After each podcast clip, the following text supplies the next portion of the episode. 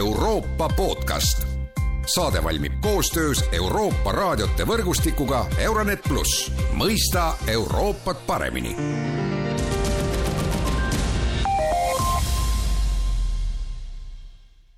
tere taas kuulama Euroopa podcasti. Prantsusmaa presidendi Emmanuel Macroni visiit Hiinasse ja sellele järgnenud intervjuu, kus ta rääkis taas Euroopa strateegilisest autonoomiast, on pannud lääneliitlased kihama. Tänases Euroopa podcastis uurime intervjuu tagamaid ja põhjusi, Skype'i vahendusel on Pariisis telefonil Prantsusmaa ülikooli Science Po rahvusvahelise julgeoleku magistrant Sarah Kruusmaa, tere päevast! tere päevast ka minu poolt! mina olen Erkki Pahovski. no see intervjuu sisaldas endas jah, igasuguseid pärle ja tsitaate, mida siis äh, kommentaatorid Euroopas ja mujal on nüüd hakanud äh, siin äh, järgnenud päevadel mäluma ja noh, üks oligi seesama strateegilise autonoomia mõte, teine oli see, et Euroopa ei tohiks lohiseda USA taga ja põhimõtteliselt noh, kuna jutt oli ka väga palju Hiinast, siis räägiti ka sellest, et et Hiina ja Taiwan'i no, konflikt ei tohiks olla väga Euroopa teema ja noh, see muidugi kõik kokku põh-, on põhjustanud sellise suure ma ei ütleks, et vihapurske, aga sellise ärrituse ja noh, Saara, tahakski küsida sinu käest, et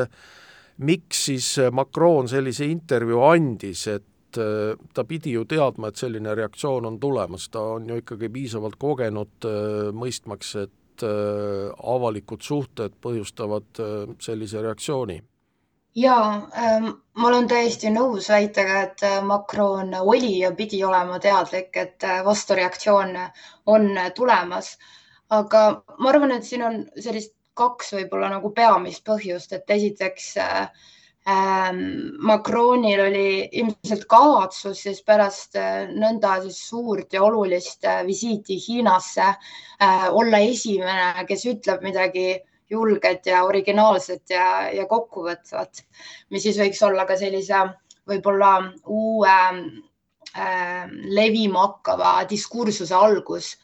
Et äh, needsamad asjad, et mida sa mainisid, eks ole, et see strateegilise autonoomia vajalikkus ähm, USA-st siis äh, ja Hiinast kui suurvõimudest siis äh, Euroopa eemalhoidmine. et, äh, et see on ilmselt midagi, mida nagu Macron nagu kasutas väga selgelt ära, et, et olla siin esimene siis selle plaadi keerutaja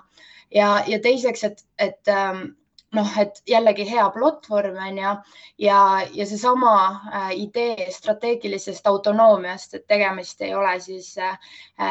mitte millegi uue äh, puhul siis äh, Macroni sõnavõttudes, vaid, vaid asi viib tagasi kahe tuhande seitsmeteistkümnendasse aastasse äh, Sorbonni siis ülikoolis äh, peetud äh, kõnesse, kus siis äh, Äh, Macron äh, rääkis siis, äh, et, et, et peaks siis Euroopa viima sellise autonoomse või suveräänsuse suunas. Ja nüüd oligi võimalus võtta siis kogu Hiina visiidil kõneletu konteksti, rebida sinna siis suure fopaana ka Taiwan'i näide ja, ja näidata, et kui oluline on ikkagi Euroopal jääda siis äh, välistest konfliktidest äh, eemale no on ka arvatud, et see Macroni intervjuu oli pigem mõeldud sisemiseks tarbimiseks, et Prantsusmaa publikule, noh, me teame seda, et äh, Macronil on hetkel Prantsusmaal suured probleemid seoses pensionireformiga. kas sa jagad seda arvamust, kas see Macroni intervjuu siis nagu äh, tõstis prantslaste enesetunnet kuidagi või näitas Macroni paremas valguses ja see esmane nii-öelda auditoorium oligi ikkagi siis Prantsuse publik? Äh, ma arvan, et vastupidi, ma arvan, et, et Macron ikkagi sihtis äh, välismeediat ja kui, kui, kui vaadata, äh, kuidas siis Prantsuse meedia siis pärast äh, siis Macroni seal selles samas siis lennukis antud intervjuud äh, kajastas, siis, äh, siis tegemist on ikkagi äärmiselt negatiivse kajastamisega, et, et praegu Prantsuse meedias siis levib Macroni võrdlemine kahekümne esimese sajandi Charles de Gaulle'iga, kes siis samamoodi jagas siis ideed, et Euroopa peaks eemalduma Ameerikast et, et kindlasti mingit teenet see Macroni sõnavõtt prantslaste silmis ei osutanud, et, et et leitakse pigem nagu prantslaste poolt, et äh, Macron elab täiesti mingis teises dimensioonis, et lisaks sellele, et, äh, et ta ei saa aru ka äh, Prantsuse rahva soovidest seoses siis pensionireformi elluviimisega, ei saa nüüd ta ka aru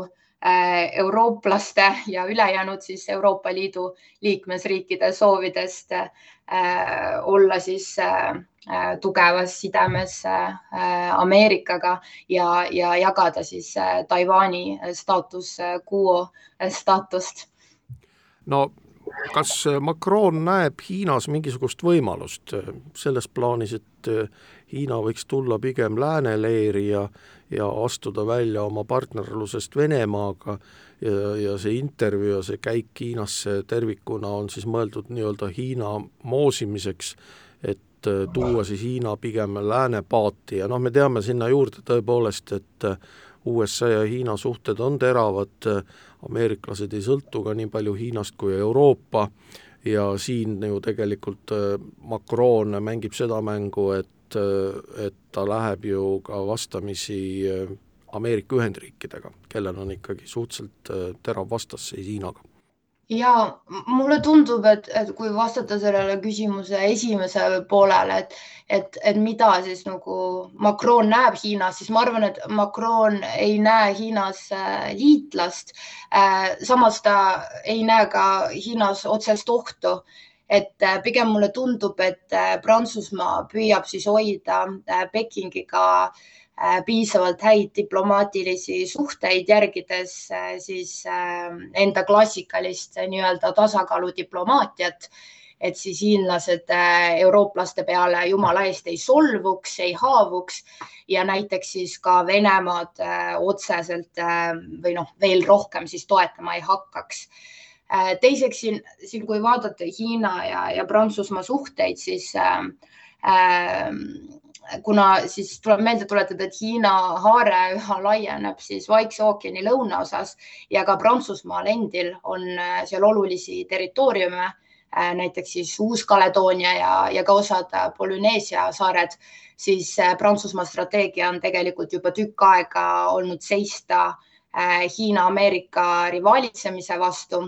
selles piirkonnas ning toetada siis mitmepoolsust Äh, kui siis äh, kontrasti või vastukoolu äh, piirkonnas kasvavale polariseerumisele Hiina ja Ameerika vahel ja muidugi seda positsiooni oli Prantsusmaal palju lihtsam säilitada enne Venemaa sissetungi Ukrainasse ja enne Pekingi otsest lähenemist ka Moskvale. Et, et mulle tundub, et siin on noh, mitu asja ja koos. Et, ähm, et äh, aga, aga selles kontekstis tundub, et Macroni jätkuv keskendumine strateegilisele autonoomiale on võetud ise otse Hiina presidendi siis Xi diplomaatilisest äh, mängukirjast, kes on äh, väga kursis siis Macroni siis ideest hoida Euroopa siis eemal Ähm, Hiina ja USA vahelisest äh, kahevõitlusest või nii-öelda duellist ja loomulikult äh, Hiinale see meeldib. No üks asi, mis alati käib idaeurooplastele närvidele ja, ja mis ka Macroni praeguse visiidi ja intervjuu ajal silma torkas, oli see, et Macron rääkis jälle Euroopa nimel, ehkki keegi ei ole talle sellist mandaati andnud ma meenutan veel, et Hiinas ju käis samal ajal Macroniga ka Euroopa Komisjoni president Ursula von der Leyen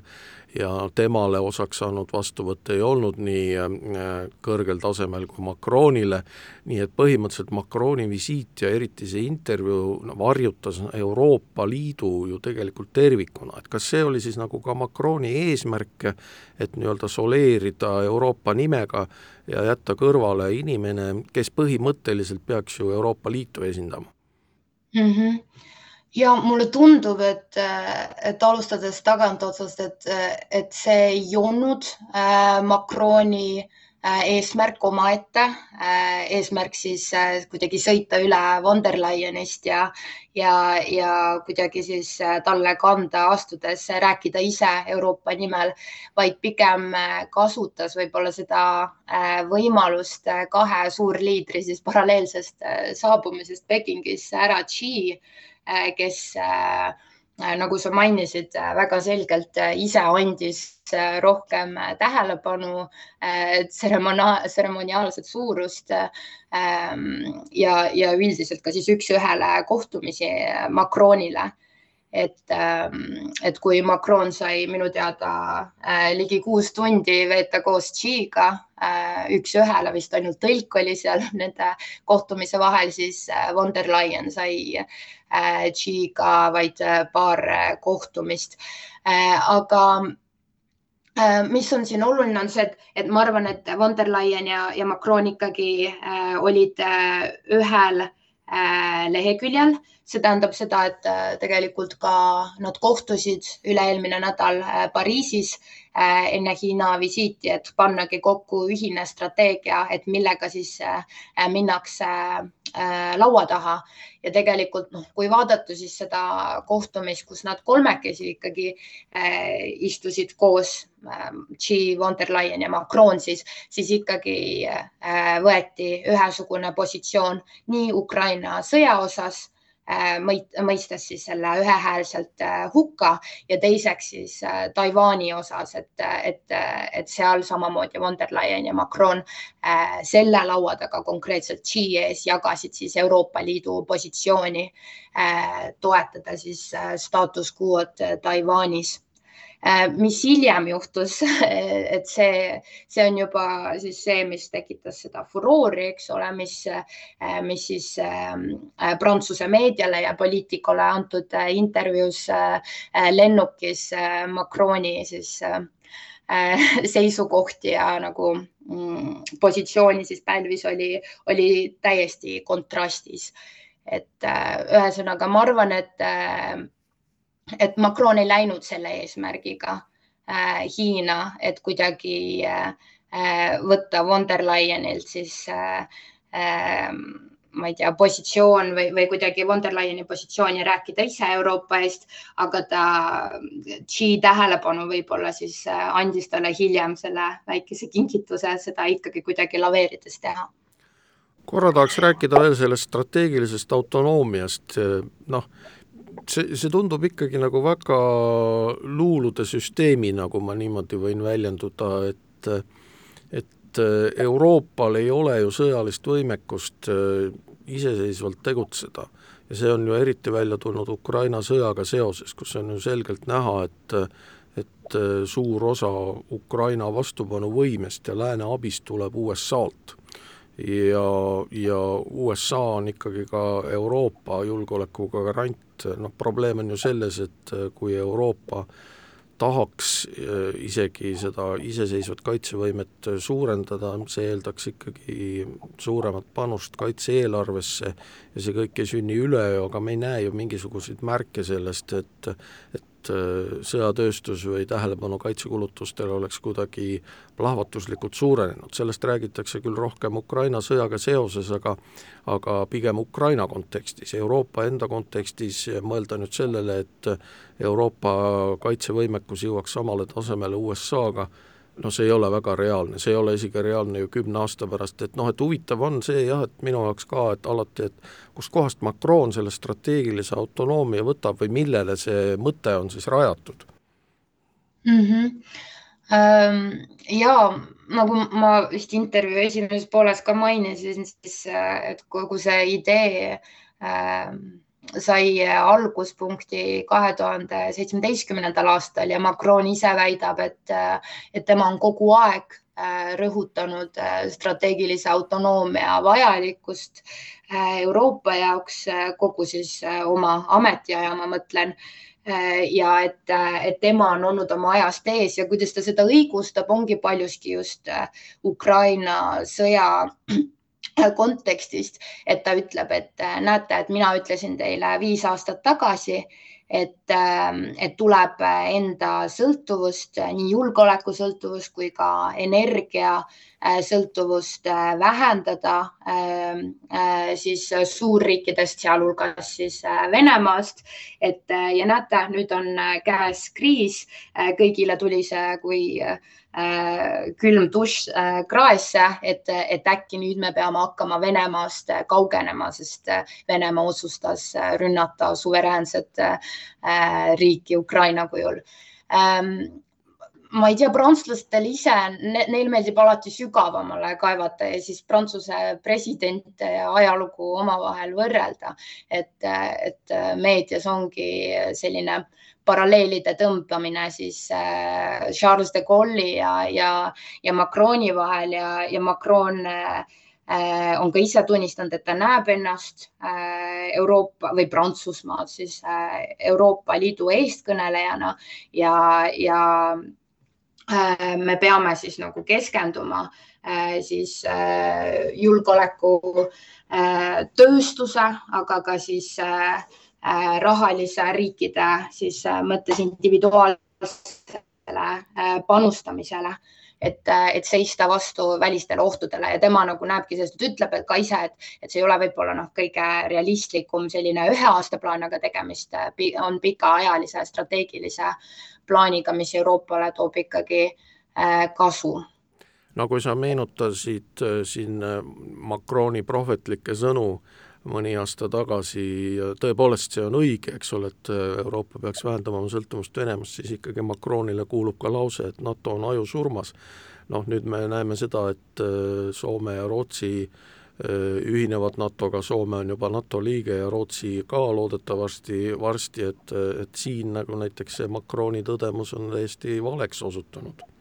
jaa, absoluutselt jaa, aga sellega võime tänase Euroopa podcasti lõppenuks kuulutada, aitäh, Sara Kruusmaa Pariisi ja kõike head ja kuulmiseni!